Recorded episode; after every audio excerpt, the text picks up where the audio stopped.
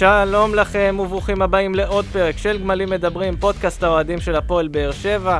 את הפרק הזה אנחנו מקליטים בשיתוף עם רדיו דרום, באולפנים הממוזגים, המשופצים. ניצלו פה יפה את. את הפגרה הקצרה. וגם זה כיף כי אין לכם רעשים של זום, שזה תמיד כיף. אה, את הפרק הזה אתם יכולים למצוא בספוטיפיי, באפל, בכל אפליקציית פודקאסטים אפשרית.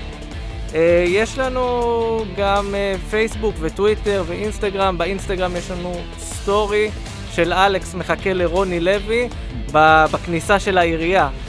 כבר לא מגיעים לעירייה כמו פעם, אלכס. אמת ויציב. אני לא יודע אם זה דבר טוב או לא דבר טוב, אנחנו עוד נדבר על זה. אז אלכס רדנסקי איתי, רונל ברכה, חוזר מהגלות, ואורח באולפנינו לא בפעם הראשונה, ניסן רייכנברג, מה נשמע? שלום לכולם. מצוין. אז אני רק רציתי להגיד, אתה אמרת אין את הרעשים של הזום, אבל יש איזה חסרונות שאנחנו פה. למה אלכס עכשיו יכול לצעוק חופשי והוא לא ייתקע באמצע. כן. נתקע באמצע, צונזרו הרבה דברים. ואני רציתי להגיד שאם בכל מקרה יש פה ניתוקים, זה לא בגלל התקלה הטכנית, זה כי רוני מנותק לגמרי. טוב, אז אה, אחרי שבאנו, התבדחנו, אה, אנחנו אחרי, מקליטים די הרבה אחרי המשחק. ומאז קרו הרבה דברים. אז היה משחק ביום שבת בצהריים, הפועל באר שבע בחוץ מול הפועל חיפה, תיקו 2. אה, התרשמות שלכם מהמשחק, אה, כנראה, לא האחרון אה, רשמית של ברדה, כי כנראה הוא יאמן גם מול, אה, מול מכבי תל אביב בגביע, אבל משחק הליגה האחרון אה, של ברדה. אני חושב שסך הכל, זה מתחלק לשני מחציות, מחצית ראשונה טובה של הפועל באר שבע, אה, כדורגל התקפי, כמו שרצינו לראות. אה, אבל uh, מחצית שנייה לא טובה. מחצית שנייה שבגלל טעויות של אליניב, חוסר ניסיון, השינויים שהוא עשה, uh, בוא נגיד דרסו לנו את המשחק. אנחנו לא שומרים טעינה לאליניב, כי סך הכל אליניב זה אליניב, והוא גם שם uh, מילת ברירה. הוא בעצמו לא רוצה להיות שם. אבל uh, חבל, באמת חבל, כי זה היה ניצחון כבר בכיס שלנו. וזה נקודות חשובות, כי אנחנו באמת צריכים אותם, אנחנו רואים שה... הפלייאוף העליון, המאבק על הפלייאוף העליון והמקום השלישי הוא מאוד צפוף, וכל איבוד נקודות הוא משמעותי, אבל איך אומרים, c'est la vie, וזה החיים שלנו כרגע. אה, אני חושב אכזבה, המשחק הזה, משחק שאתה מוביל ב-2-0, לצאת ב-2-2, זה מאכזב מאוד, איבוד נקודות אה, זה. לא בא בטענות לענייניב ברדה, הוא כל פעם אמר בעצמו שהוא לא רוצה להיות שם, והוא... זה לא הזמן שלו להיות מאמן, אז אני לא בא אליו בטענות. החילופים לא היו במקום, נכון, אבל... Uh, גם קשה לבוא ולהאשים אותו, אני חושב שדווקא השילוב של uh, חתואל היה טוב. Uh, וש... ושאר הצעירים, אני חושב שעוד נדבר עליהם, על uh, אליגון וכאלה, שאולי צריכים איזה עונת השאלה. אני חושב שסיכמתם את זה מצוין, זה בדיוק התחושה הזאת של מחצית ראשונה מצוינת. אני מודה, כתבתי באחת הקבוצות שאני חבר בהן במחצית. מי עושה לי גיף של בר צימפסון רושם על הלוח, רק לא לאבד יתרון של שני שערים במחצית, במחצית שנותרה. לא צייצתי את זה ולא רשמתי את זה בשום מקום מטעמי אמה, והתבדיתי, וזה התממש למרות השמירה האישית הלוחצת שעשיתי לעצמי. אז אני אגיד אה, שבסופו של דבר אה, ניכר החוסר ניסיון של ברדה. זה בסדר שהוא לא רוצה להיות בעמדה הזו, בסופו של דבר הוא נמצא בה. אה, הוא לקח שם החלטות שלצערי לא היו נכונות, אה, יצר הרבה בלגן במדע של השחקנים אה, על המגרש. חבל זה לצאת בתחושת החמצה מתיקו, כאשר בעשר דקות הראש... האחרונות של המשחק עוד אפשר היה לצאת מרוצים מהתיקו הזה, כי לא היה רחוק מהפך ושלוש-שתיים. חבל, חבל, פשוט חבל, זה שתי נקודות שאיבדנו. אה, במרוץ ש... שחשוב שניצמד ונדבק אליו עד סוף העונה, לפחות, לפחות, לפחות להבטיח את המקום השלישי, להבטיח דרך הליגה אירופה. דווקא בדקות האחרונות גם אנחנו יכולנו שם אה, להוציא איזה ניצחון, גם איזה משקוף של אה, קאבה שם במהלך גדול, שאם זה היה נכנס זה היה שער ענק. אבל כן, כנראה שלמשחק הזה היה רשום שאנחנו לא צריכים לנצח את המשחק הזה, ו... כן, להגיד, כרגיל. להגיד בדקות האחרונות, זה משחק שהיה 70-30, הפך להיות בדקות האחרונות 50-50, ולפה ולשם, ותוך שנייה יכולת להפסיד אותו. אז uh, להגיד יכולנו גם לנצח, כן, אבל לא היית צריך מההתחלה להשמיט את היתרון הזה. הקלות הבלתי נסבלת שספגנו את הגול השני, כן. כאילו זה, זה לא רק היה כתוב בה, וזה היה כתוב באותיות קידוש לבנה בכל סמטה בבאר שבע, שאנחנו הולכים לקבל את השוויון. נכון.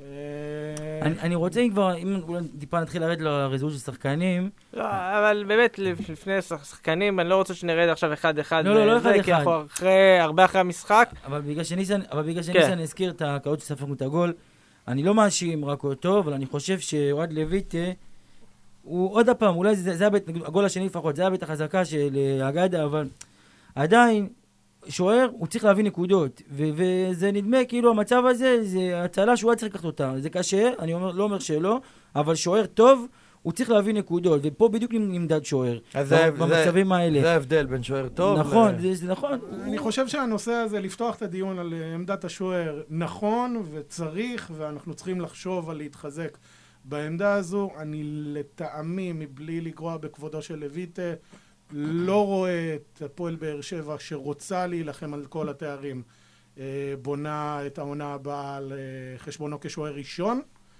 אה, אולי כשוער אבל, אבל, שני, אבל ניסן, אבל, ניסן, תזכור, רגע, לגוף העניין, לגול של אגדה, אני אומר לך מניסיון, לא הרבה השוערים, הוא נעץ כדור יפה מאוד, פגש אותו יפה מאוד בדרופ מהרצפה, קשה מאוד לקחת כדור כזה, קשה מאוד להגיב, כשכל השער מאחוריך חשוף ואתה בזווית יחסית ישירה מול השחקן, להגיב לשח... לכדור כזה.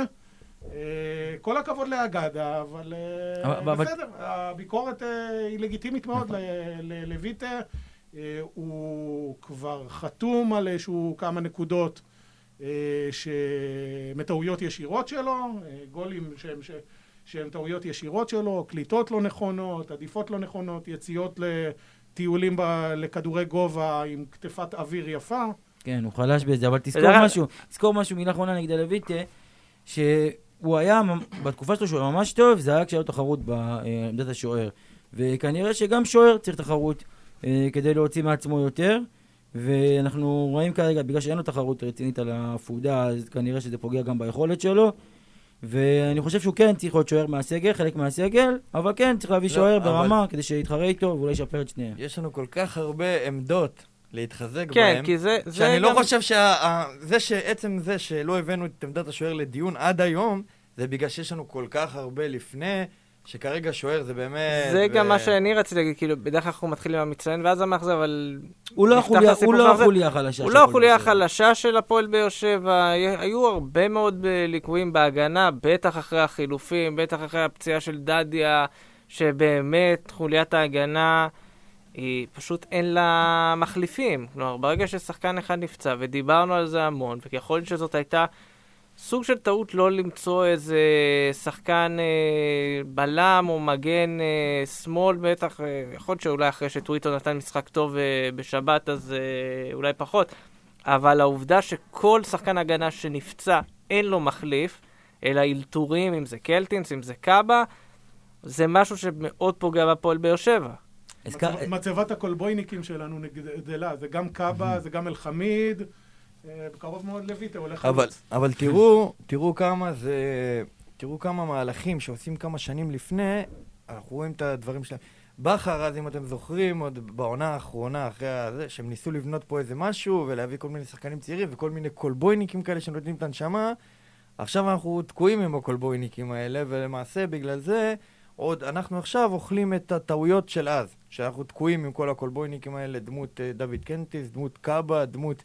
אה, אז נאור סבג עזב, אבל אה, כל כאלה שיכולים לשחק כמה תפקידים, וזה לא נכון. זה לא נכון. אבל- קבוצת אבל- כדורגל צריכה להחזיק שחקן שהוא טוב בעמדה שלו, ואנחנו רואים שחקנים שזה העמדה על הטבעית אחת שלהם. כמה וכמה כשאנחנו מדברים על מגנים, שאנחנו יודעים שזאת עמדה חלשה יחסית אצל ישראלים, אז בטח כשאתה עושה, יודע לעשות גם וגם וגם, אז יכול להיות שדווקא את העמדה של המגן אתה לא עושה בצורה הכי טובה והכי מדויקת. אבל אם כבר הזכרתם את קלטינס, אני חושב שאם נדבר על MVP של המשחק הזה, אז אה, קלטינס היה מצוין, לדעתי המצטיין בהפועל באר שבע במשחק הזה. הוא עשה עבודה מצוינת, אני חושב, גם שהוא שיחק קשר אה, באמצע וגם שהוא שיחק מגן ימני. קלטינס באמת היה טוב, ואני לדעתי, אני מזהה כאן איזה מגמה, כי משחקים האחרונים קלטינס משתפר ב... אה, לדעתי. עוד פעם הוא קולבויניק, אבל עדיין, הוא, יש פה איזה שיפור. לא, אבל הוא... אם, אם אתה עוקב אחרי הקריירה של קלנטיס. קלטינס, דוד. דוד. שלנו. אם אתה עוקב אחרי הקריירה שלו, אתה, גם בביתר, היה לו כאלה תקופות שהוא פתאום עלה בבום, ואז יש לו צניחה בבום. הוא לא שחקן יציב, בגלל זה לא הייתי סומך עליו עד לא, הסוף. לא, כן, בסדר. רואים שיפור, רואים שיפור. הוא היה טוב, וכנראה הוא יחסר לנו. מה זה, יחסר לנו במשחק. ו... אבל אה, לא הייתי סומך על זה עכשיו, ושם את כל הקלפים שלי על השחקן הזה, לא, כי בסדר. הוא לא יציב. אני לא חושב שאנחנו צריכים לחשוב אם לשים את כל הקלפים על דוד קלטינס. אני חושב שהיה לו בעיה לאורך כל התקופה שלו בהפועל באר שבע, שהוא זכה לאי יציבות מתמדת, וזה מוריד ביטחון לשחקן. אני לא חושב שזה מקובל ברמות המקצועיות שהוא, שהוא משחק בהן, והוא צריך להתעלות על זה ולשפר את זה, אבל לפחות הגרף התקדמות האחרון, כשהוא כבר מקבל איזשהו סוג של אה, קביעות, בין אם זה מסיבות של פציעות ובין אם זה מסיבות של זה שהוא באמת ראוי להרכב הראשון, אה, בכל עמדה שהוא משחק הוא יותר, אה, יותר נחוש, אה, ואנחנו יודעים איזה בעיית נחישות הייתה לנו בסגל, היא עברה לאשדוד, ואני חושב, אני חושב שזו הדוגמה שאנחנו צריכים, זה, זה הדבר להיתפס בו, לקחת מהמשחק שדוד קלטינס מביא למגרש, כי בסופו של דבר חסר לנו הנחושים האלה, חסר לנו השחקנים האלה, שגם אם הכדור ב-90% יוצא עכשיו לאאוט, הוא נותן את הרבע גליץ' הזה כדי להוציא אותו על 200% לאאוט. אני אוהב את המשחק הזה, אני אה, חיכיתי לפריצה הזאת, או יותר נכון לחזרה, לפורמה שבגללה הביאו את דוד קלטינס אה, להפועל באר שבע.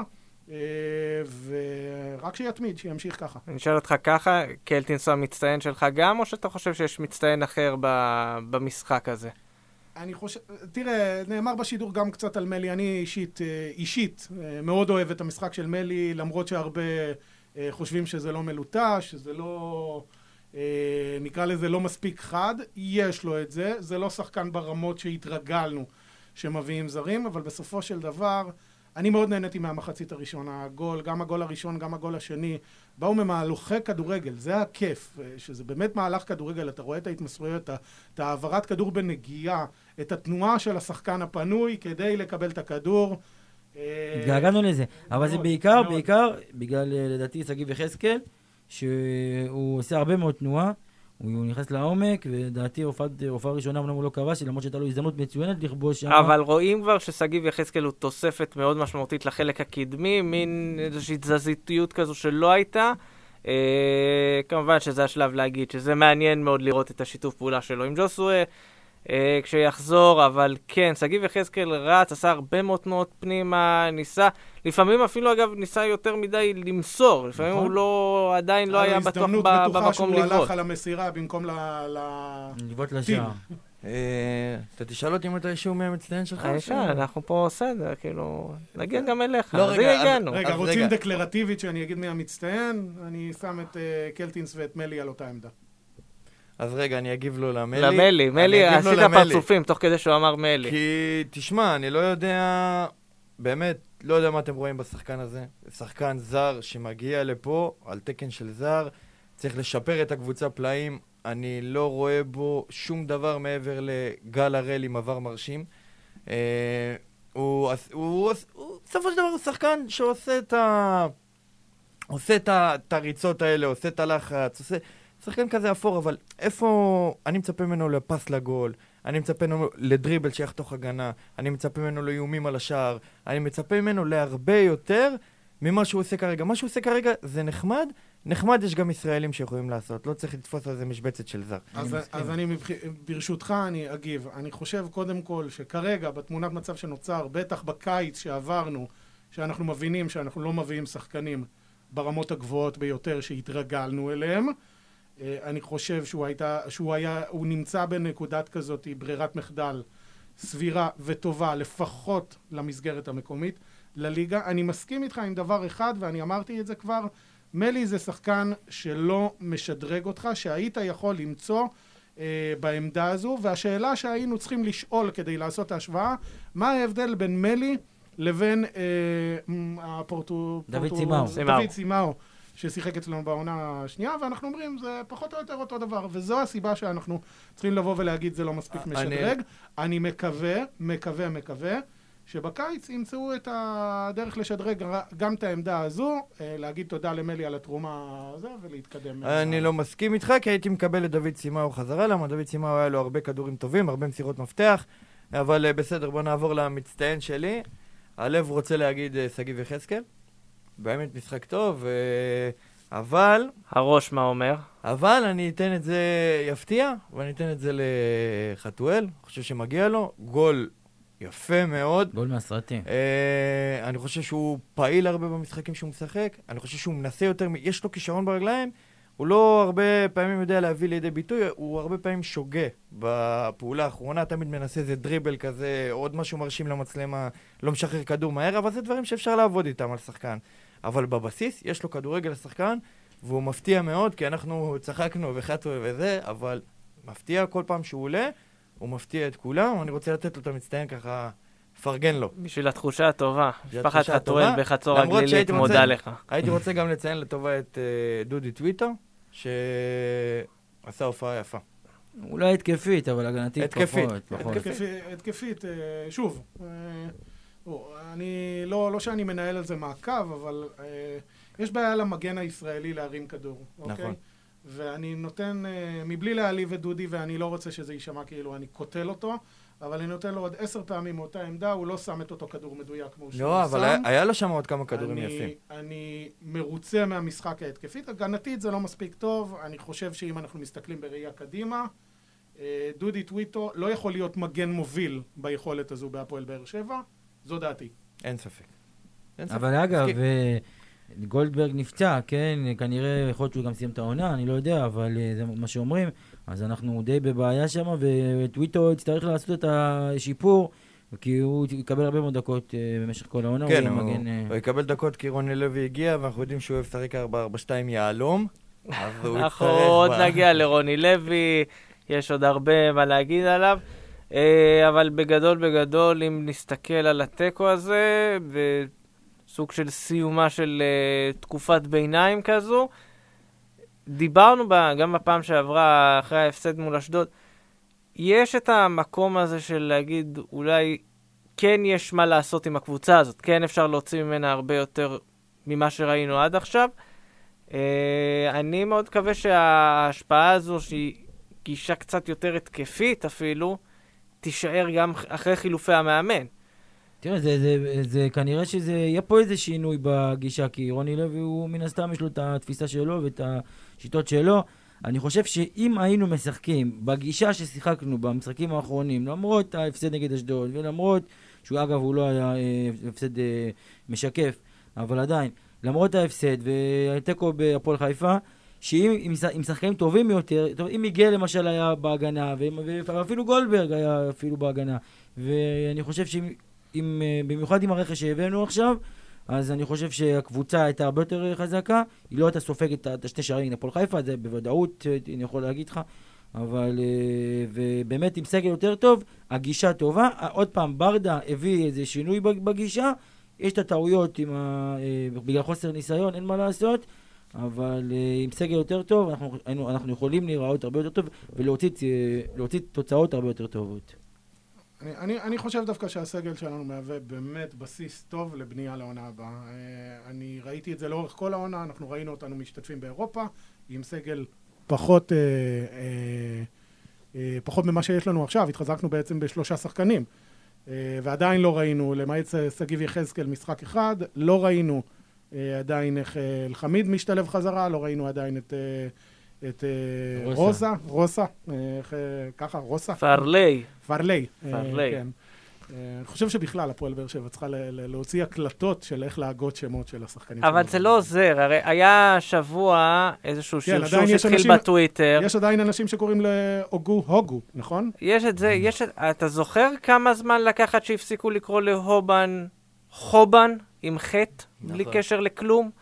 ויש עוד הרבה, היה שרשור השבוע של זרים באופן כללי, לא, זה ספורט לאומי פה בישראל. אחד אתה מגלה שבכלל קוראים להם בשם אחר לגמרי, זה כמו שקוביקה וקוביצה בזמנו, ויש עוד אבל הרבה שמות עוד- יותר. כל עוד רמי וייץ עוד מעביר יה- שידורים, גול- גונזלס יהפוך לגונזלבש. בוא, ו- אבל כן. מה יותר טוב מג'ו- מג'וסווה? אם תלך לפורטוגל, תגיד, תשחק אצלנו ג'וסווה, יגידו, מי זה ג'וסווה? זה ז'וזווה. אנשים- אנשים לא-. ז'וזווה. אנשים לא יודעים אם זה ז'וזואה או ז'וסואה. בסוף זה ג'וסווה, זה לא יאללה משנה. כבר, הוא ג'וס וזהו. לא, אבל זה... אפילו הבוסית שלו קוראת לו ג'וס. נכון. שמתם לב שאני לא השתתפתי בדיון הזה. אתה יכול להשתתף, אתה יושב היום בצד, בשקט, לא, אתה אני- כאילו... אני גם ככה יש לי בעיה עם השמות, אז עוד לחזור אליהם. אה, אבל אני רוצה להגיד שכמו שניסן אמר, שאם אנחנו נסתכל בעונות, שתי עונות לפני העונות האליפות, באמת היה תהליך של בנייה, קבוצה מאז שנשארה מחזור אחרון בליגה, אחר כך הגיעו ברדה, אה, בוזגלו, זה לא הספיק בשביל, אה, כמובן בשביל אליפות, אז אה, קבוצה התחזקה, לאט לאט הייתה פה בנייה. אני באמת מאמין שגם בעונה הבאה אנחנו לא נרוץ לאליפות, אבל זו עונה באמת שתהיה עוד פעם ניסוי וטעייה, נביא רכש, נראה איך משתלב, נראה איך החתמת מסתדר. את רוני לוי, איזה אליפות אתה רוצה? לא, רגע, לא, חכה, אני רוני- מדבר איתך על עוד רוני לוי שנתיים. יקבל את הפינה אני שלו, מדבר אבל איתך על עוד טווח שנתיים. ארוך. אני מדבר איתך על עוד שנתיים, נראה לי רק שבעוד שנתיים אנחנו יכולים לדבר על ריצה לאליפות, לעמוד שווה בשווה מול מכבי, מול חיפה, לדעתי. אז אני רוצה לנפץ את כל הסיפור הזה של הסגל. אתם יודעים מה ראינו בשבת האחרונה, איך שגיב יחזקאל בא? שחקן, מאשדוד, הגיע, מאשדוד, מאשדוד. שגיב יחזקאל. שמה אלכס אמר? מאשדוד אתה רוצה להביא לי שחקנים. אני רוצה להגיד יאללה יאללה, זה מה שיש לי להגיד, יאללה יאללה. אז הגיע שגיב יחזקאל, וראית שהוא בפער יותר טוב ויותר רץ ויותר משקיע משאר הקבוצה שלך. עכשיו נכון, יכולים להגיד, זה שחקן שהגיע ורוצה להוכיח ורוצה זה, אבל לא, ראינו שגם באשדוד הוא היה ככה והוא שיחק טוב. אז זה, זה, זה אומר דרשני קצת על הסגל. אני חושב ש... שכמה שאנחנו אוהבים להגיד, יש לנו את אגודלו שיכול להיות, ואת אלטון, וזה, וכולם שמות על הנייר, סבבה. אבל בפועל אנחנו רואים שהם לא באמת נותנים. אנחנו רואים שאגודלו בתקופה האחרונה נראה כמו, כמו הצל של עצמו. לא ראינו ממנו שום דבר העונה. אלטון אותו דבר. אני אלטון- אעשה- אני אעשה את ההפרדה שנייה בין אותו. זרים לישראלים, אוקיי? מבחינת זרים, אז, אז גם בעונות הבנייה, היו זרים שלא בטוח היית לוקח נכון, איתם נכון. אליפות. תומיסלב פאיוביץ', פאיוביץ' זה לא שחקן לאליפות והוא למשל. אובר שהגיע, ודוד אובר, לא שהגיע. חסר, כן. איזה שיר שחקן היה לפאיוביץ'? וכלל, ככל ששיר השחקן יותר טוב, ככה הקריירה שלו בקבוצה יותר קצרה. לא מדברים על זה, אני הרסתי שחקן בגלל שיר- אה, בגלל שיר שחקן. אנחנו נשמור את זה אחר כך פרק בונוס. לא, אבל בוא נדבר גם על, ה- עכשיו, על מבחינת הישראלים. ישראלים, מבחינת ישראלים. מבחינת ישראלים, אנחנו יודעים מה החומר, חומר השחקנים של הישראלים. אנחנו יודעים שחלק מהישראלים שנמצאים בקבוצה לא מספיק טוב. בגלל זה כל הזמן סימנו למשל את רמזי ספורי כאחד כזה. עכשיו, מספיק שהחלפת אותו ראש בראש עם שחקן כמו שגיב יחזקאל שהוא קצת יותר טוב, אתה רואה איך הרמה עולה. עכשיו, כשהקבוצה נבנתה לאליפויות, היא בנתה לאט לאט הרכב שבנוי מישראלים, ואחר כך גם הספסל היה ספסל שנקרא לו ראוי לליגת העל.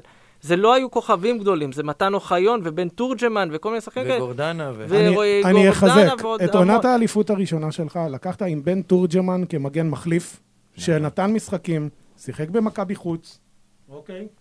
הוציא כדור בדקה שביעית בנגיחה לקרן מהשער, ושלוש דקות אחר כך, אה, לא סליחה, זה דקה שנייה או שלישית, ושלוש דקות אחר כך אה, ברדה שם גול, ואנחנו ראינו רימון. ב- וגם את עונת האליפות השנייה, אומנם פתחת חודש בסך הכל ככה, אבל uh, כשהוא היה מגן פותח, פחות או יותר, עד שהגיע קורות. סך הכל מה שאני רוצה להגיד, שהסגל שלנו כרגע הוא לא טוב. הרבה אנשים דיברו על סגל, שהוא סגל בין הטובים בליגה וזה, הוא לא טוב. הוא סגל, הוא סגל טוב יחסית לליגה, הוא לא סגל טוב למי שרוצה אליפות. בוא נלך לישראלים הבכירים, גם יחסית לליגה. בוא נלך לקאבה. קאבה נכנס במשחק האחרון, היה נראה כמו הצל של עצמו. אבל אני אשאל אותך שאלה כזו, וזו שאלה שאנחנו חוזרים אליה המון פעמים. רגע, רגע, רגע, אלכס, רגע, רגע. אלכס, רגע. וזו שאלה שאני מחזיר אותך אליה כמעט כל פרק.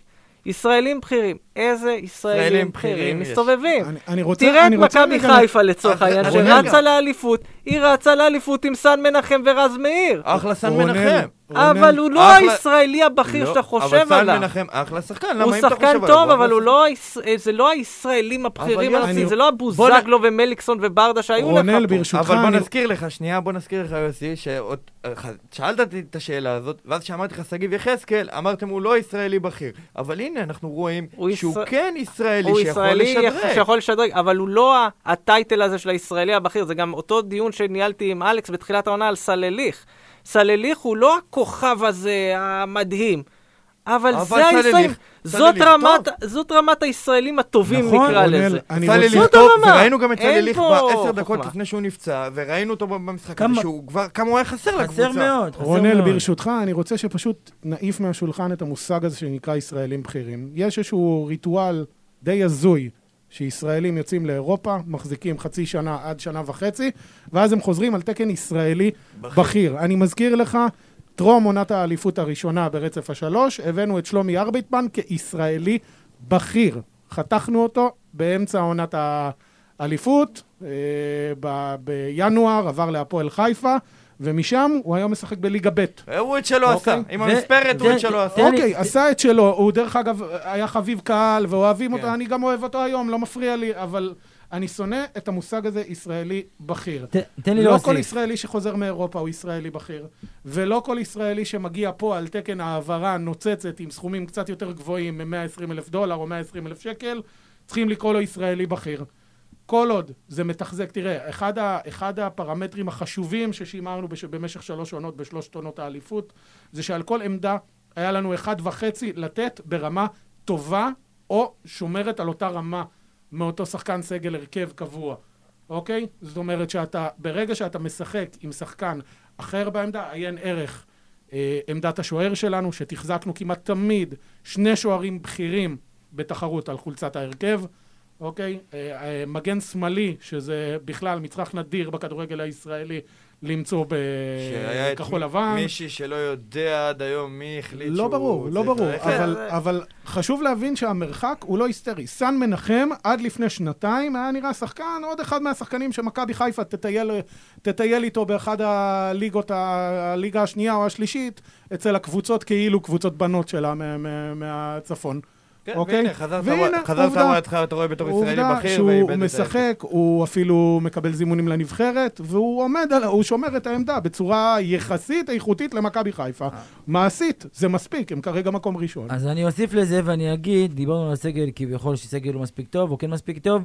הפועל באר שבע היום מקום רביעי, לא בגלל שהסגל שלה טוב, אלא בגלל שעובדה ששאר הקבוצות, הוא לא מצליחות לייצר איזה יציבות ואיזה רצף ניצחונות. זאת ליגה מאוד צפופה, כל קבוצה יכולה... וגם, כאילו, עם כל ה- מה שאנחנו אוהבים לתקוף את הפועל באר שבע, בסוף מקצועית השחקנים האלה יותר טובים ממה שקורה גם. בהרכב של חלק מהקבוצות בדיוק- מתחתיה. בדיוק, זה מה שאני אומר. אשדוד היא כן, אשדוד היא באמת השנה היא קבוצה טובה. היא באמת, אה, היא לא סתם נמצאת איפה שהיא נמצאת, והיא לא סתם גם. אשדוד, גם מכבי פתח תקווה. נכון, אבל מכבי פתח תקווה היא בירידה. זאת אומרת, אה, אין פה איזה יציבות בכל הקבוצות האחרות. אתה לא יכול להגיד שכפר סבא, או ביתר, או הפועל חיפה, או קבוצה אחרת, היא- יש להם- יש להם ישראלים טובים, או איזה ישראלים בכירים, שיש יותר מהפועל באר ובוא, אם אתה שבע. רוצה כבר לשים את זה על הסקאלה, אז תסתכל על הסגל של ביתר. יש שם הרבה ישראלים שנהגנו לקרוא להם בשלוש-ארבע שנים האחרונות. על הנייר, מה ישראלים שנקרא. בכירים, ותראה באיזה מקום הם נכון. נמצאים, וכמה חוסר דבק יש בין השחקנים יש, האלה. יש ישראלי בכיר בשם אלירן עטר שנגח בשחקן. ויש, וגם- אה, וגם הפועל תל אביב עם איינבינדר ובן ביטון. בדיוק. הבכירים.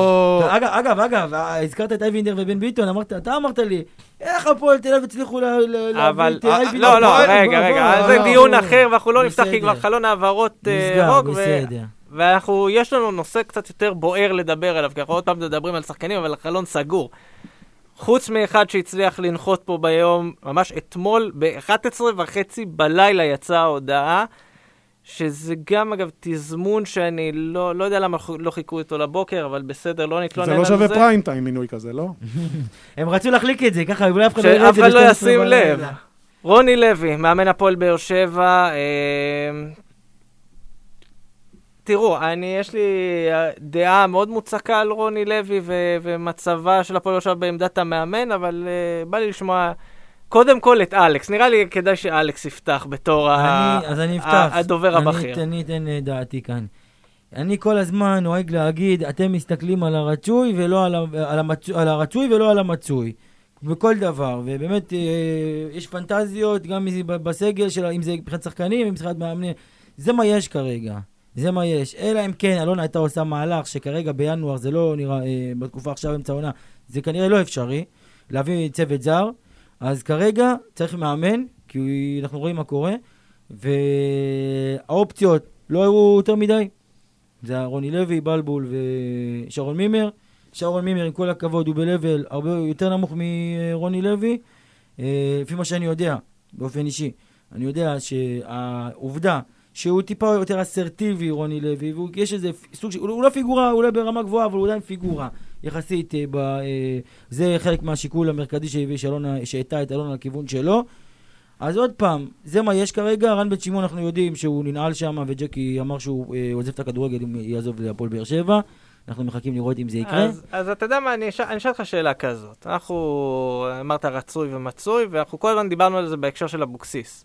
אמרנו, אבוקסיס, לצורך העניין, לא טוב, אנחנו לא מרוצים ממנו, אבל האם אנחנו רוצים שהוא יעזוב? לא, כי לא נצליח להביא מאמן. הוא כרגע על ה... אבל אגב, הוא לא... זה נכון, ובגלל זה אף אחד לא... הוא כרגע מאמן... גם אלונה לא רצתה שהוא יעזוב עכשיו אבוקסיס. נכון. אז עכשיו אני שואל אותך את השאלה הזו. האם רוני לוי, לצורך העניין הורדת את שרון מימר מהזה, רוני לוי עדיף על מרקו בלבול לצורך העניין? האם רוני לוי עדיף על מרקו בלבול? זו שאלה טובה, אני חושב שבאמת שני המאמנים היחידים אה, שככה אולי אה, באמת אה, אוהדי הפועל באר שבע יכלו לאכול אותם, מה שנקרא, זה רוני לוי ומרקו בלבול. אפורים בהתאמה. לא, לא, לא, משם זה נהיה יותר אפור, הוא זרק שרון מימר, לא, אני רציתי לפתוח קמפיין להביא את אבי בוחבוט משלנו. כן. אבל בוא, ניסן, אתה צריך לזכור שמרקו בלבול עשה עונה מאוד יפה עם מכבי חיפה, ואם איביץ' לא, מכבי תל אביב, ואם איביץ' לא עושה שם עונה פנטסטית של 100% הצלחה חוץ מהמחזור האחרון, אז uh, כנראה שגם הם יהיו חזק באליפות שם. אז בוא, גם, וגם היה כדורגל יפה של מכבי חיפה, זאת אומרת, זה לא איזה כדורגל אה, באיזה עקיצות או בונקר כל העונה.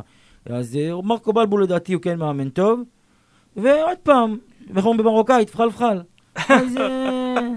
תעשה תרגום, יש לנו מאזינים שלא דוברי השפה. אני... בשביל אורי גרמן. תתרגם להם מה שאמרת. זה אותו דבר, מה שנקרא. אותו דבר. אני רוצה רק אה, להגיד, אלכס מעצבן אותי עם זה מה יש. מה זה זה מה יש? אבל מה, רגע, עוד פעם ריבה, מה זה זה מה יש? הנה, הנה, חבר'ה, הכבל של רוני להשתחרר, צריך לחבר אותו. רוני מנותק. אני ואתה נניח רוצים מאמן זר, צוות זר לא יגיע, והבנתי שגם מתוך המועדון לא רוצים להביא צוות זר.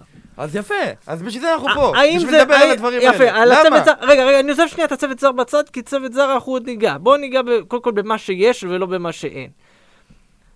רוני לוי הגיע, אז אני אשאל אותך, האם היית מביא משהו יותר טוב ממנו? לפי דעתך, בהנחה שאין צוות זר. בהנחה שאין צוות זר, אז לא יודע. כי מה, כמו שאמרתם, זה השמות, זה מה שיש פה, אין מה לעשות. אנחנו לא אה. נמציא את הגלגל, אנחנו לא... אז אוקיי, אז לא יודע, אז בסדר. לא, לא נוציא מאמנים מהשורש, אבל רגע... אז בוא נחכה עד סוף העונה אם אני לא יודע. אז לא, אז לא בוא לא נחכה עד סוף העונה, אבל מרקו בלבול עדיף כבר על רוני לוי. אפילו, אני חושב ששרון מימר עדיף על אה, רוני לוי. רוני לוי זה בן אדם שאתה כבר רואה בהבעות פנים שלו, שהוא לא יכול לראות כדורגל, הוא לא אוהב את המקצוע, תשחררו אותו מזה. אנחנו כמעט, כמעט לא מדברים על המשחק האחרון של רוני לוי. המשחק האחרון שהוא אימן זה ההדחה של בית"ר ירושלים, סיבוב ראשון במוקדמות מול טאוטה. אה, אז... אלכס. אגב, גם, גם ב... אה, אם אני לא טועה, גם בלבול עף עם חיפה מאירופה? בלבול... כן. עף עם חיפה, גם, אבל לא כל כך מוקדם. אבל לא גם, סיבוב גם ראשון. גם מול קבוצה, עם כל הכבוד, שהתחום... לא, מול לא, מי? לא, לוקומוטיב או משהו. רגע, שנייה, לא, לא, לא, אני אנסה להיזכר. תבדקו לי את זה. אנחנו נבדוק את זה תוך כדי. אני מחכה לתורי על רוני לוי. בבקשה. אה, תורך בזמן, אה, רונל יסיים קודם. לא, אני אסיים רק בלהגיד שלא... לא יודע, זה נראה בכוח, זה נראה מאולץ. כך. טוב, אז אני לוקח את השופר, סתם, זה לא שופר, אבל אני אהיה השוטה בעירי. אה, אני רוצה להגיד ככה.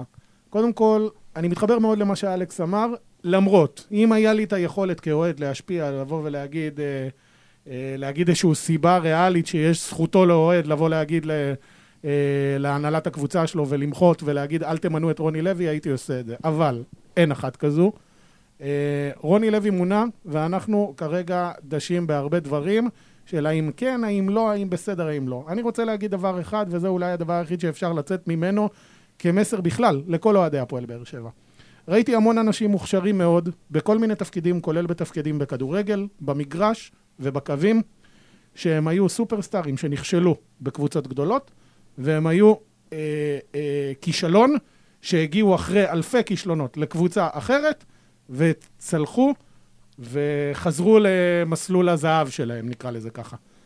אני מפלל, ואני מדגיש שוב, מפלל, כי מעשית, כשאתה בוחן את זה לאורך זמן, ראית את טביעת האצבע שלו או את טביעת היד של רוני לוי, ואתה יודע אה, לקראת מה אתה הולך, אבל אני מפלל שאולי הטנגו המשותף הזה של רוני לוי והפועל באר שבע יחזיר אותו למה שציפו ממנו מאותם שלוש אליפויות אה, במכבי חיפה.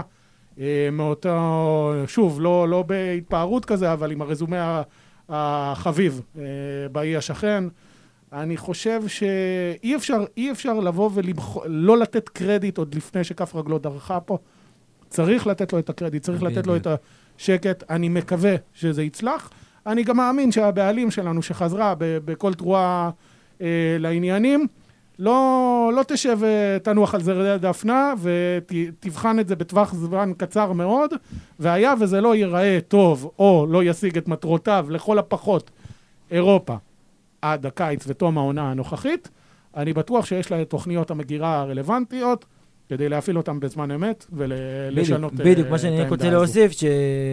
נכון שהייתה את השאלה, האם מימר כי הוא בא לחצי שנה, אבל רוני לוי דורש לשנה וחצי מינימום. אני אגיד לך תחושת חושב- בטן, אגב, לגבי זה, אני חושב שהאופציה של חצי שנה ירדה מהפרק. ברגע שרן בן שמעון האריך חוזה, אני לא רואה את רן בן נכון, שמעון א', מגיע כל כך נכון, מהר נכון, לבאר נכון, שבע. א', נכון, אבל גם אני רוצה להוסיף שכמו שאנחנו מכירים בכדורגל הישראלי, החוזה זה לא בטון, החוזה בכלל עם שחקן או עם מאמן, מה שנקרא, הוא בגדול על הקרח.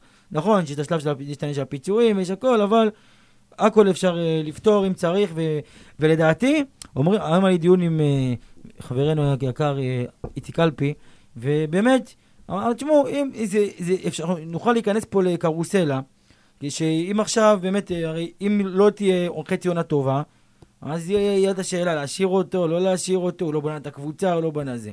ניתן לו לבנות את הקבוצה בקיץ, ואם לא יהיה טוב, עוד פעם אתה צריך באמצע העונה כנראה לפטר, להביא מאמן חדש שגם לא בנה, ויש פה איזה סלט אה, שלם לגמרי, אבל אין מה לעשות, זה מה שיש. אני באמת חושב שאם לא תהיה איזה קטסטרופה, רק קטסטרופה, העונה הזאת שבאמת זה פלייאוף תחתון, זה משהו שאנחנו כישלון כדורגל אנטי כדורגל, ויהיה פה באמת בלאגן, לא יתחבר לשחקנים, רק במצב כזה הוא לא יקבל אה, בקיץ, אה, הוא לא ימשיך בקיץ. אז כמו שניסן אמר, אנחנו נקווה שהוא יצליח, כי הצלחתו הצלחתנו, ובאמת אנחנו ניתן לו גב, גב, כמו שאנחנו יודעים לתת גב, שבוע שבועיים. אני- כן. שבוע שבועיים. שעה, שעתיים. שעה, אני. רק רוצה לתקן דבר אחד, אני רק רוצה לתקן דבר אחד ולחזור למה שאמרת, שהוא כן יבנה, הוא לא בנה, הוא אולי יבנה בקיץ. אני לא אוהב את זה, אנחנו צריכים כבר להסתכל על כדור- כדורגל מקצועני, ובכל העולם נהוג ש general manager בונה את הקבוצה. בדיוק. לא המאמן צריך לבנות את הקבוצה. המאמן צריך להציף את הפערים, לבוא להגיד, בסופו של דבר הוא לא צריך להיות זה שבוחר בפינצטה את הסגל. אבל אנחנו יודעים שהוא הוא חלק מהתנאי שהוא כאילו... אבל הוא אתה- ביקש השפעה על, על אה, בחירה של זרים ושחקנים אתה ישראלים. מדבר על כדורגל מודרני באותו משפט עם רוני לוי. זה לא עובד. אני אגיד לך מה. הכדורגל, הכדורגל מודרני שנייה, כי אני רוצה לבוא ולסכם כל מיני דברים שגם רצו לי בראש וגם מה ששמעתי. קודם כל, רוני לוי, אנחנו צריכים להיות ריאליים. אני לא יודע, וזה שובר לי את הראש, למה רוני לוי עדיין נחשב מאמן בכיר בכדורגל הישראלי. מאז שלוש האליפויות שלו עם מכבי פתח תקווה. כי אין הרבה, כי אין רגע, הרבה מאמנים. שהביאו אליפויות. שלוש האליפויות עם מכבי חיפה, סליחה, לא עם מכבי פתח תקווה. הוא לא עשה יותר מדי, יש לו מאז גביע עם מכבי חיפה, גביע הטוטו עם ביתר, וזהו. בנתניה גם, הוא היה שם טוב. לא, אבל היה לו כזה קדנציות בנתניה, בפתח תקווה, היה בקפריסין, ברומניה, הוא הסתובב הרבה. אבל אני אומר, מקצועית, הרבה מאוד מאמנים עקפו אותו בסיבוב, אם זה בכר מן הסתם, ואפילו אבוקסיס, אבל- מקצועית. אבל, אבל אין, פה, אין פה שאלה אם בכר הוא בכיר יותר הרבה יותר. השתדרגו. אז אני אומר, אנחנו צריכים שנייה לה- להתאים גם את העמדות שלנו והאג'נדות שלנו למה שקורה בשטח. רוני לוי הוא מאמן, אה, נקרא לזה סביר פלוס לליגת העל, הוא יכול להוביל את הפועל באר שבע למקום שלישי ואירופה, אבל אל, לא לצפות ליותר מזה מי ממנו, מצפה ליותר מזה בשום שלב אגב. אה, בעונה הבאה עוד גם שנתיים? בעונה הבאה. גם בעונה הבאה, או גם בעוד. שנתיים, כי אני אגיד לך למה. ולמה אני מעדיף למשל את בלבול על פני, העדפתי את בלבול על פני רוני לוי? כי רוני לוי, מה שהוא מקבל חומר שחקנים, זה מה שהוא מוציא ממנו. בלבול, ועשה את זה מאוד יפה בחיפה, הוציא מהשחקנים הרבה יותר, ופה אתה רוצה לראות את ההשפעה של מאמן על קבוצה. אבל צריך לזכור שלבלבול הייתה קבוצה חזקה במכבי חיפה. אבל. באיזה שלב הוא נכנס? מתי הוא נכנס? באמצע עונת 18-19, כשמכבי חיפה חצי מרוסקת, נכון. והוביל אותה למקום בסדר, שני. אז עוד פעם, אז עוד פעם, אני אומר עוד פעם. אז זה- יש פה, כי הוא, הוא גם שיחק שם בשיטה שלא נראית טוב ליין, אבל בסוף הוא הביא מה, ש, תוצאות. מה שהיה על הפרק, מה שעמד... אה, ממה שהיה על הפרק, ממה שזה, יכול להיות שרוני לוי באמת זו האופציה הכי טובה, כי הוא אותו, כמו- זרקת את זה גם, הוא אוטוריטה, והוא יכול להשתלט על חדר הלבשה, ויכול להסתדר עם ז'וסואה, ו... ו... ו... ו... ו... ויכול לדבר עם ברדה. אגב, פיד מכבי חיפה בטוויטר היה ערני. אמרו, יוסי אבוקסיס קידם שחקנים צעירים במהלך התקופה שלו, ולכן הביאו את רוני לוי, שבמהלך התקופה שלו ריסק שני שחקנים צעירים, שהם היום עוזרי המאמן שלו, את ברדה ומליקסון. נכון. אה, אליקסון גם אמר את זה בפודיום. אבל עכשיו אני רוצה לדבר על הנקודה של הזר, שזה משהו שאני... אני אגיד לך ככה, זה, אני אגיד לכם, ליתר דיוק, וגם למאזינים. זה שאופציית המאמן הזר לא על בכלל לא על השולחן, ביזיון. אני לא יודע, לא רוצה להגיד ביזיון.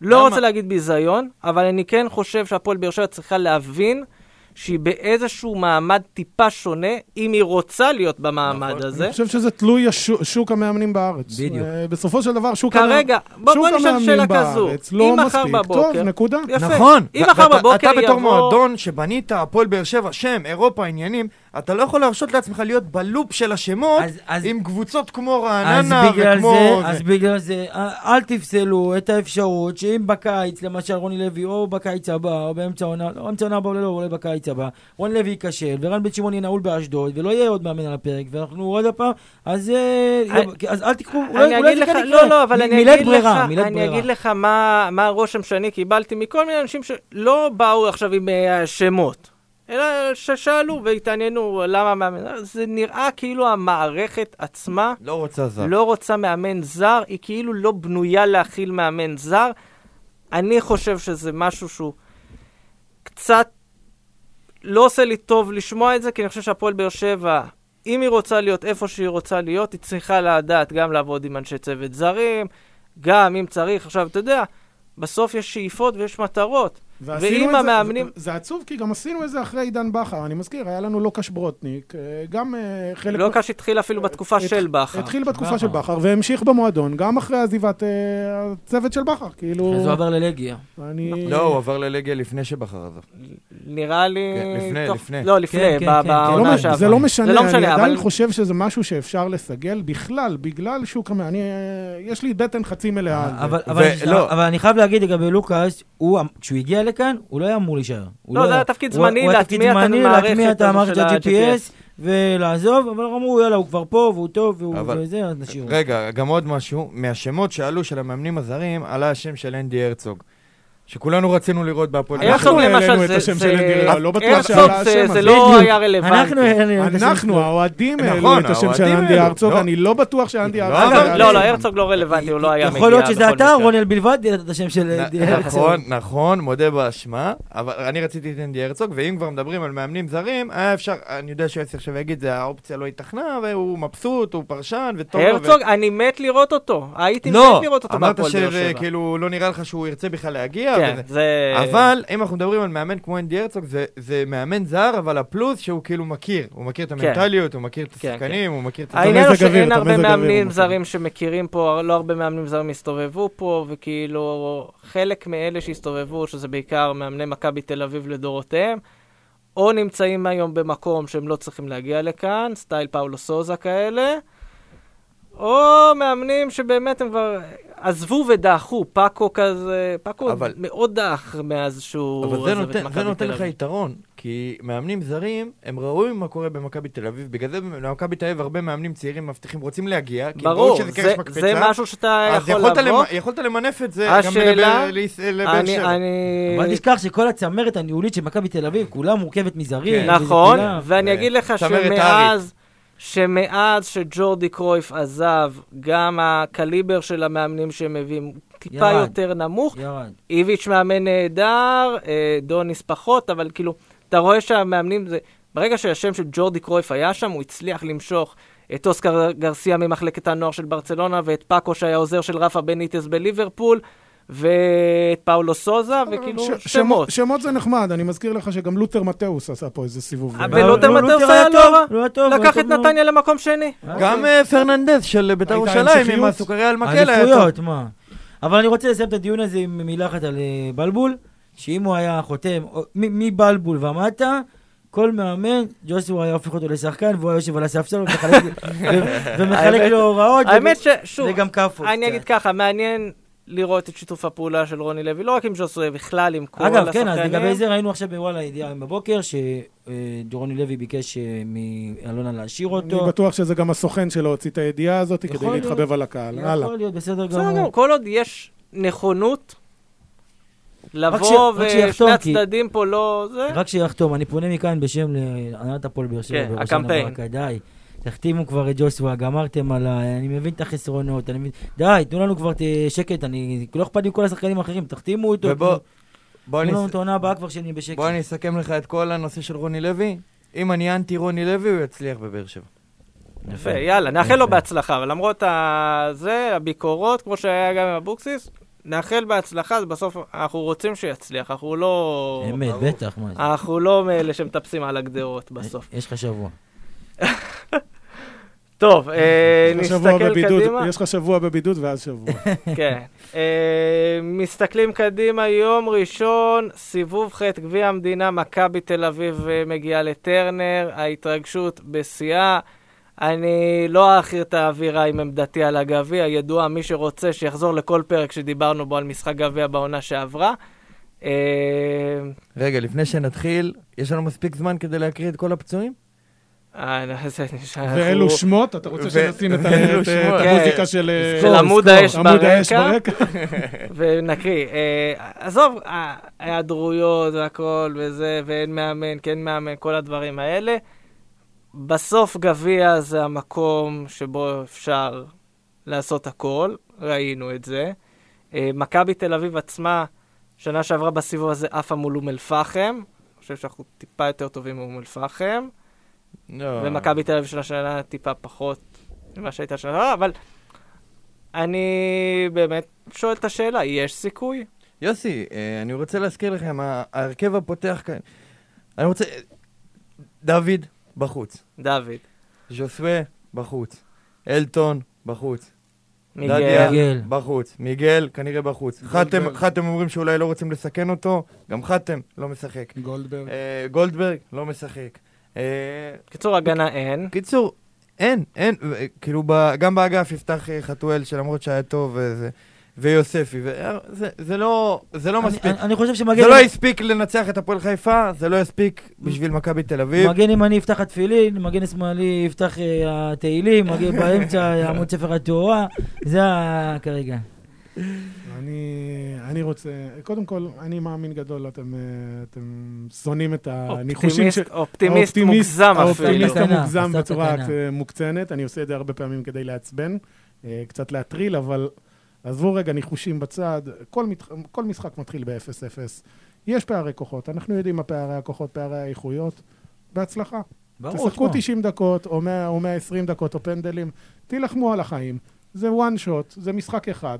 אפשר לעשות איתו טקטית הרבה כדי להוביל את המשחק לשלבי ההכרעה עם איזשהו סוג של כף יתרון לנו, ולחץ זמנים אצל, אצל קבוצה איכותית יותר, שתרצה לתקוף יותר מטבע הדברים ולתת את האחד במתפרצת. אין ספק שיוסי אבוקסיס הוא סוג של אה, one, אה, one man show לסיטואציה הזו, והוא לא איתנו.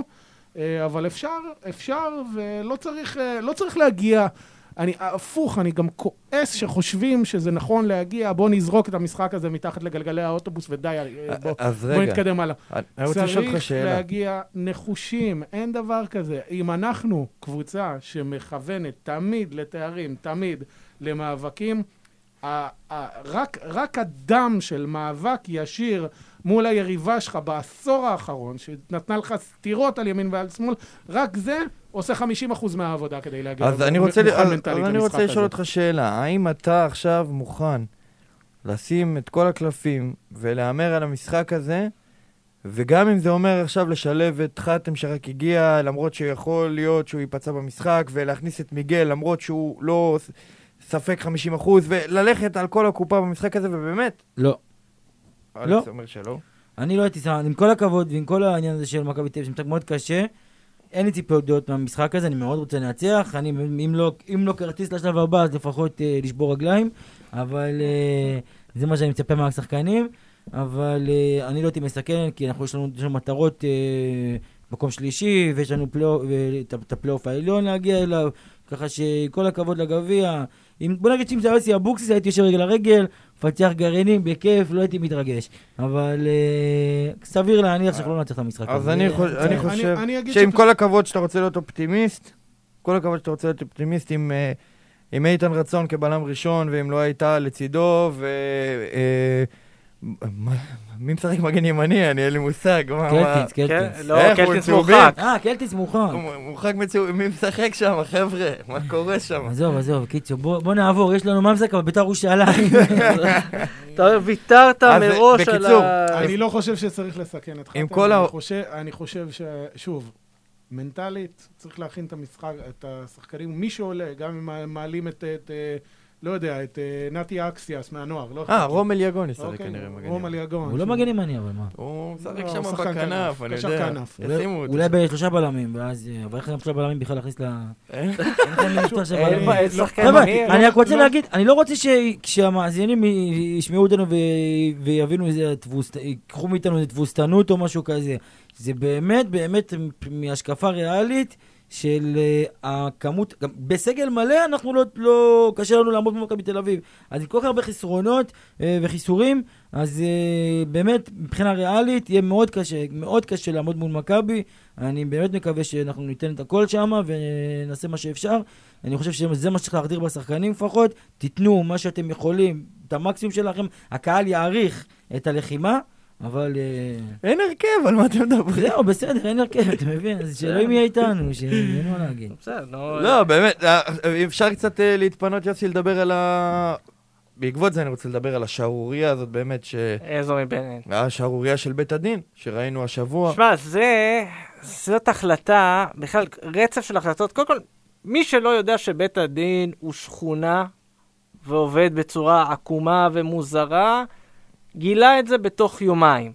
זה התחיל עם הפסק דין של מכבי חיפה, שפתאום נהיה אה, אה, הסדר טיעון. עכשיו, לא רק איתו, היה עוד הסדר טיעון שפחות דיברו עליו, של אה, ריימונד אטוולד, המאמן של אה, נתניה, שגם כן, עם שופט, בלאגן וזה, הורחק.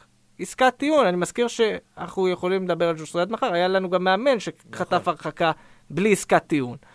אז זה גם אבל- עניין, וזה גם מה שעורר את אה, אלונה בכלל. אבל חזיזה לא הודה ב- במה ש- ב- ב- בהאשמות אף שלו. אחד לא אף יודע. אחד לא לא הודה, הודה, אף אחד... יואב זה- כץ, עם הסדר הטיעון, עוד עוד... הוא אה, רוצה איזה- טכני. להגיד שהוא רוצה עוד טכני. עזוב, לא. והפיצול של העונשים. הפיצול של האנשים בהפועל חיפה זה בכלל שכונה שאני לא מצליח אז להבין אין בעיה, אז איזה... בוא. ויסות עומסים. אז למה לא ביקשנו. לא ביקשנו מוויג'וסווה נגד מכבי שהוא ישחק, זהו, נגד. ביתר לא. לא, לא, לא, ביתר זה גם קשה, המשחק אחר כך, בוא נעשה אחר כך שייתנו לנו את זה. אפשר להמשיך, אני באמת אומר, ההחלטות האלה, אלה החלטות כל כך מוזרות. אם אתם רוצים ששחקנים לא יורחקו, לא זה, שלא יהיה לכם מצב של מלא שחקנים חסרים, אולי תדאגו לקשור אותם שלא יריבו מכות בסוף משחק. זה לא יודע, איזשהו רעיון מצחיק, כזה... מצחיק חושב- שכולם אומרים, זה לא... זה חלק מה... פתאום היו הרבה פרשנים, כן, והרבה אנשי תשוקה. חבר'ה, זה תשוקה, זה דרבי, זה כדורגל, מה קרה אבל- לכם? אבל לא סאונד, סאונד כן, של יריקה, אבל... סאונד של יריקה. לגרדום לגרדום. ישלחו אותו. זה, מעשית, זה מעשית. גם לא, זה, זה לא סאונד של יריקה, זה הנפילה של ריקן, כן. שהשאירה באלכוהול הסתמך- צל של ספק. הסתמכתי על תגובתו של השחקן. חבר'ה, אה, אני- ג'וסווה היה מעורב בדבר כזה, הרי היו בועטים אותו, כבר היו גוררים אותו עיתונאים וכל האנשי מקצוע פה בארץ וההתאחדות, למטוס היו גוררים אותו. אני רוצה להגיד שזה פשוט, באמת, בפרק זמן של איזה שבוע, שבועיים, קיבלנו פשוט מופע אימים של התנהלות של הגוף שאמון על המשמעת בכדורגל הישראלי. זה פשוט... אני, אני, אני, שוב, אני אומנם צייצתי את זה כדעה אישית, שאני חושב שצריך לפרק את המוסדות, את המוס, המוסדות האלה, שפשוט איבדו לגיטימיות, איבדו רלוונטיות. ברור לי לגמרי שזה לא משהו שיקרה מחר בבוקר, אבל אני מצטער, זה, זה משהו רקוב לחלוטין, זה נראה לא טוב, זה... מקומם, וזה זה עוד יקומם קדימה. חבר'ה, אני מזכיר לכם, חבר'ה, לא ללכת רחוק. במאבקי הירידה שלנו, מכבי פתח תקווה יכולה להגיד, מה עשית? ירדנו ליגה כי הורידו לנו נקודות על מכות. נכון. יש קבוצה ש- במדינת ישראל, שאך לפני כמה שנים טובות ירדה ליגה. והיא לא בזמן- היחידה, והיה... בזמן שקבוצה אחרת נאבקת. מאבקי אליפות, אז עושים לה הסדר טיעון ועושים לה, יאללה, ויש עוד המון תספורות מקרים, לעונש. ואנחנו יכולים לחזור אחורה לרדיוס, וקבוצה אחת כן מקבלת רדיוס, והשנייה לא, ורדיוס זה כן. ובהקשר הזה אני רוצה להגיד, באמת, וזה נשמע, שתו לי, אכלו לי, בכו לי, זה, אבל באמת אנחנו רואים אפליה מכוונת כנגד הפועל באר שבע, וגם, אני אגיד יותר, כנגד בית"ר ירושלים. אני ראיתי את הנגיחה של אלירן עטר. בואו, חבר'ה, יכול להיות שהיה שם איזה התגוששות ראשים בנגיחה, זה לא היה. הרחקה בוא- כזו ארוכה כנראה לא הרחקה הייתה מגיעה. כזאת ארוכה לא הייתה צריכה להגיע. אבל, בטח אה, שראינו, אני אגיד, אני בטח אגיד, שראינו אגרופים עפים אצל חיפה. אני לא יודע אם זה הפועל באר שבע או ביתר או דברים כאלה. אני כן יכול להגיד שבית הדין מקבל את חלק מההחלטות שלו לפי הרעש בתקשורת. ולפי השמות של לפי מה השחקנים. שנוח לו. אלירן עטר זה שם לפי שהוא... מה נו, שמתאים. אנחנו ראינו כבר קבוצות שעומדות לדין על גזענות ולא מקבלות רדיוס, והפועל באר שבע על אה, דוח, שיפ, דוח מבקר, משקיף. שהוא שומע אה, קולות גזעניים, לא יודע מאיזה יציע, זה היה במשחק גביע מול נתניה שמונה. שנה שעברה. לא, לא, לפני, במשחק גביע מול נתניה שנה שעברה. נכון, נכון. אה, כן, לא, קנס שבאר שבע קיבלה ואז ושילמה. קריית שמונה בחוץ ואז עם קריית הקהל שמונה זה נואם. התפוצץ. אתה מבין? כי זה פעם שנייה, למרות שהפעם הראשונה לא בטוח, לא יודעים מה קרה שם. אבל מה שכן, אני רוצה להגיד שקודם כל מזל שלא חזרה, לפחות קול של מישהו מאיתנו נשמע בצורה נכון. רצינית, וגם אם כרגע זה לא נראה כאילו, אה, אתה יודע, כרגע אני לא- הכל אני זה... לא חושב אה, שהיא עושה את זה לצאת לידי חוק. לא, לא, אני לא. שהיא עושה את זה באגרסיביות הנכונה. טוב מאוד, לא, לא, הזמן טוב שמישהו מאוד. יבעט החוצה אז אני חושב, אולי, אולי בגלל, הביקורת שלה עכשיו, והצורה שהיא מעבירה את הביקורת, אז אני חושב אולי, אולי בפעם הבאה זה איכשהו יתאזן לטובתנו, אולי, אולי. זה לא, זה לא. אולי, לא. עוד פעם, אולי, כי, יש גבול עד כמה שאפשר להיות אה, אה, במדיניות של האי שוויון הזאת ובאפליה הזאת, אני. אני אעשה לך תקציר, לא רק שזה לא יעזור, אם אלונה ברקת, אלונה ברקת, המזל שלה זה שיש לה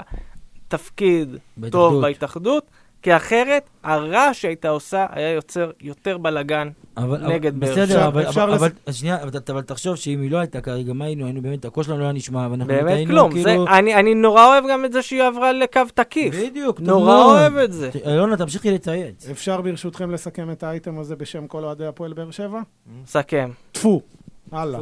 זה היה דפוס דפוס סאונד. צריך טפו להגיד. סאונד, טפו סאונד. אה, האמת, יצא פרק עמוס, ורציתי לדבר על עוד נושא, ואנחנו כן נדבר עליו, למרות שזה יצא ככה, המאזינים שיראו עכשיו פרק ארוך. אה, כמה מילים על הסיפור של האוהדים, המינהלת דוחה החלטה להכניס 500 אוהדים. ניסן, אני יודע שיש לך, יש לך מה להוציא על הדבר, על ההחלטה הזאת. אז, אז אני, אני אפתח ואני אגיד, אה, ראיתי אתמול גם כמה חבר'ה שמפנים אצבע מאשימה על, על הגישה של הבעלים אה, בסיפור הזה, בעצם לדחות את המתווה. אני לא מסכים עם זה, אני חושב שצריך לתת גב לבעלים. הפתרון של 500 אוהדים, אני אמרתי, איך שיצא הפרסום, שזה סוג של להראות שאפשר, אבל רגע, רגע, הנה, אנחנו מוכיחים שאנחנו זהירים. בליגת העל, 500 אוהדים מספק בדיוק אה, תשע או- אה, תשע או עשר קבוצות, אוקיי? תשע או עשר קבוצות. קבוצות עם קהלים גדולים לא יכולות לעמוד בגזרה כזו. זה לא משתלם להביא את ה... את ה לממן, שהקבוצות יממנו את הפסיליטיז שצריך כדי להפעיל איצטדיון עם קהל, סדרנות, קופות, מה שתרצו. וזה צפוי עם איזשהו אזור ה-80-90 אחוז לכאוס, זאת אומרת, קהלים אז, גדולים אז אני אעשה לך ספוילר. יגיעו, יעשו חגיגה בחוץ. אני חושב שהיה פה שיקול נכון מצד בעלי הקבוצות, אני חושב שהיה פה, סליחה, אה, אה, אה, הגורמים, גורמי מקבלי ההחלטות בזו לקהל בפעם, ה, אנחנו כבר לא יודעים כמה. אני, לפחות ממה שאני יודע, ממה שאני שומע ממסרים פנימיים, ואני מעורב קצת עם, אה, עם גורמים, צריך עוד קצת סבלנות, עוד שבועיים יהיה מתווה. אני, אני אעשה לך ספוילר אבל. המינהלת דיברה על שליש, אוקיי? 500 זה מספר נמוך, מגוחך, אני מסכים איתך. לרוב הקבוצות גם שליש זה לא כלכלי. כי אין, המשחק הראשון אחרי ההכנסה של המתווה, אם יאושר, זה הפועל חיפה מ"ס אשדוד בסמי עופר. עשרת אלפים צופים לא יהיו שם. גם לא תהיה התקהלות בחוץ. אבל, אבל רוב קבוצות הליגה, השליש הזה לא באמת יעזור להם כלכלית או י... אני ישאיר לא- אותם אני לא מעל חושב ה- שצריך להיות פה... אבל, אבל השאלה שלי זה האם עכשיו אמרו סתם 500 אה, אה, אוהדים, או 1,000 או 5,000. השאלה, האם הם בגלל ששחררו עכשיו 500 אוהדים, אז אה, נפגעת הרשת הביטחון שנותנים למועדונים. לא נראה לי שהיא נפגעת. כן. כאילו, נפגעת? כן. מבטלים את הרשת בגלל 500 לא אוהדים. מבטלים, אז מה- מה מצמצמים אותה. רשת אז הביטחון, אוקיי, אם זה ב- אם זה ביחס, אז בסדר. רשת שוב, הביטחון היא יחסית לכמות ה... נקרא לזה. כרטיסים שהם איבדו. אז ימים, יגידו, אני מצפה מקבוצות, בעל, אה, מבעלים של קבוצות בליגת העל, שלא יעזו, שלא יעזו על חשבון הרצון, הצורך והשאיפה והכמיהה של האוהדים לחזור למגרשים, לשחק במשחקים של משוואות מתמטיות, אם זה משתלם להם או לא. כי אם הם יעשו ככה, מהר מאוד הם יאבדו את הלגיטימציה מהקהלים, אומר- מהקהלים שלהם בצורה מחריפה מאוד. אנשים יושבים מעל שנה, כן. מעל שנה בבית בלי לראות מגרשים, לא נדבר בכלל מה זה עושה לאוהדי כדורגל, לא נדבר בכלל שהשנה הזאת היא קשה בלי קשר לזה שאין לנו את הכדורגל ואת המגרש, את הפינת אה, יציאה מדעתנו בשלווה אה, תחת... אה, באמת, דיברנו על זה כבר אה, יותר מפעם אחת פה. 500, אני מסכים, אמרנו, מספר נמוך, זה נראה די רנדומלי. אני מבטיח לך שגם במספר יותר גבוה, אתה תראה את מי שעומד על הרגליים האחוריות ואומר, אין לי אינטרס להכניס קהל. אה, יהיו כאלה שיעשו קצת יותר רעש, תלוי במשחקי בית, בטח הקבוצות הקטנות, אז משחקי בית שנשארות. מכבי פתח תקווה למשל, אחת הסיבות שיש לה על אה. מה להילחם, זה שיש לה שתי משחקי בית. אחד מול הפועל באר שבע, ואין לו טועה, השני מול אה, או ביתר או מול מכבי חיפה, אני כבר לא זוכר. כלכלית זה אחלה הכנסה להם. כלכלית, הם, צריכה- הם, הם יקבלו קהל על הגדרות. אם הם לא ירצו ללכת, אם הם לא ירצו ללכת, הם יקבלו קהל שייכנס בכוח, לא, והם מה שאומרים וגם שלפתח תקווה יש אינטרס שזה יחזור. לא, יפה, אבל הוא אומר שלשאר בעלי הקבוצות, אבל יש קבוצות שאין להם כבר את שאין המשחקים להם. האלה. ואני אגיד לך, גם הסיפור הזה של אה, אוהדים על הזה, אתה יודע מה זה מזכיר לי? שכל שנה בגביע, איזה קבוצה מליגה נמוכה פתאום מקבלת משחק בית מול קבוצה גדולה. ואז פתאום מתחיל הסיפור הזה, להזיז את המשחק, לא להזיז את המשחק. חבר'ה, יש משטרה שהמשטרה תאבטח. הרי גם אם יהיו עכשיו עשרת אלפים אוהדים בבלומפילד, יהיו עשרים אלף שלא יכלו להיכנס במשחקים של מכבי תל אביב, הפועל תל אביב, וגם יהיה על הגדרות, אז מה? באיזה רף? גם ב-30 אלף, גם אם בלומפילד יהיה מלא, עדיין יהיו אנשים מסביב למגרש. בכלל, המשוואה הזאת היא שהמשטרה באה ומציבה איזה תנאים, שוב, יש איזשהו מתווה כזה, ומזמנים את בעלי הקבוצות או את נציגיהם כדי לבוא ולעמוד בהתחייבות לפי תוכנית המשחק ובעלויות והמימון של המשטרה בכלל, אני לא, חושב לא, זה שזה לא. מגוחך. לא, זה לא ציני, זה לא רציני, משטרת ישראל צריכה לעשות תפקידה נאמנה, להיערך לכל דבר. יש פה אירוע המוני. אני בכלל חושב שהרגולטור, משרד הבריאות, אה, לא הולך בקו נכון, הוא צריך לבוא ולהגיד מה ה... נקרא לזה, מה ה vision המקצועי, מה ההתקהלות המקסימלית פר מטר רבוע, אוקיי? ולאפיין את זה. כי זה הולך להיות בעולמות סגורים, בתיאטראות וב- ובהופעות. וזה הולך להיות במקומות פתוחים, במגרשי כדורגל. וזה הולך להיות במגרשי... יש לנו רוגבי ב- בישראל, לא, יש לא, לא הכל. יודע, כאילו, יש הכל הכל, מהכל. חבר'ה. אגב, אני, תערכו. אני פה תגידו- מעלה, מעלה באמת את המתווה שההתאחדות הציעה לבלומפילד כהיערכות למשחקי נבחרת בסוף מרץ. מה שהם הציעו שם, הם הציגו מתווה מאוד יפה, שגם אם יהיה עכשיו שליש, מה שאמור להיות זה שתהיה עוד טבעת היקפית רחוק מהאיצטדיון, שכדי לעבור את הטבעת הזו אתה תצטרך להציג שיש לך כרטיס, ושיש לך אה, דרכון ירוק, מחלים, כל דבר, בדיקה ב- בתוקף, לא משנה מה, אבל משהו שמאפשר לך לעבור פנימה. כלומר, לצ- אין ל- מכירת כרטיסים במגרש ביום המשחק, אין דברים כאלה. אין מה לעשות. כלומר, יש מתווים, אנחנו רואים גם מתווים בעולם, בואו נאמץ אותם, בואו נתקדם, כי המשחקים האלה באמת, זה, זה לפעמים נראה שהם משחקים פוליטיים יותר, ומצד שני, אנחנו צריכים שגם בעלי הקבוצות ידחפו ל- להכיל איזה משהו בצורה חד רצינית. משמעית, חד משמעית. זהו, אז בתקווה ש... שיהיו אוהדים, מתישהו. אמן. אמן. אמן ואמן. אז אנחנו מסיימים עוד פרק של גמלים מדברים, פודקאסט האוהדים של הפועל באר שבע, פרק עמוס בכל טוב. אז אם הגעתם עד לנקודה הזו, תודה שהייתם איתנו. אה, את הפרק הזה, כמו את שאר הפרקים, אתם יכולים למצוא באפל, בספוטיפיי, בכל אפליקציית פודקאסטים אפשרית. אגב, תעקבו אחרינו, ככה גם תדעו מתי יוצא פרק חדש, לא תצטרכו כזה לבוא ולשאול את אלכס, אנשים מציפים את אלכס בשאלות. האינבוקס מלא. אה, אנחנו בפייסבוק, בטוויטר, באינסטגרם. באינסטגרם יש לנו את תומר שלא הגיע כי הוא נתקע בשלג בירושלים, אז אה, נאחל לו שיהיה לו סופש חמים ונעים. אה, חברים, תודה שהייתם איתי. אלכס רדנסקי. רונל ברכה, ניסן רייכנברג. אהבה גדולה. ואתם, בבית, בואו נתפלל לטוב, נקווה לטוב ורק בשורות טובות.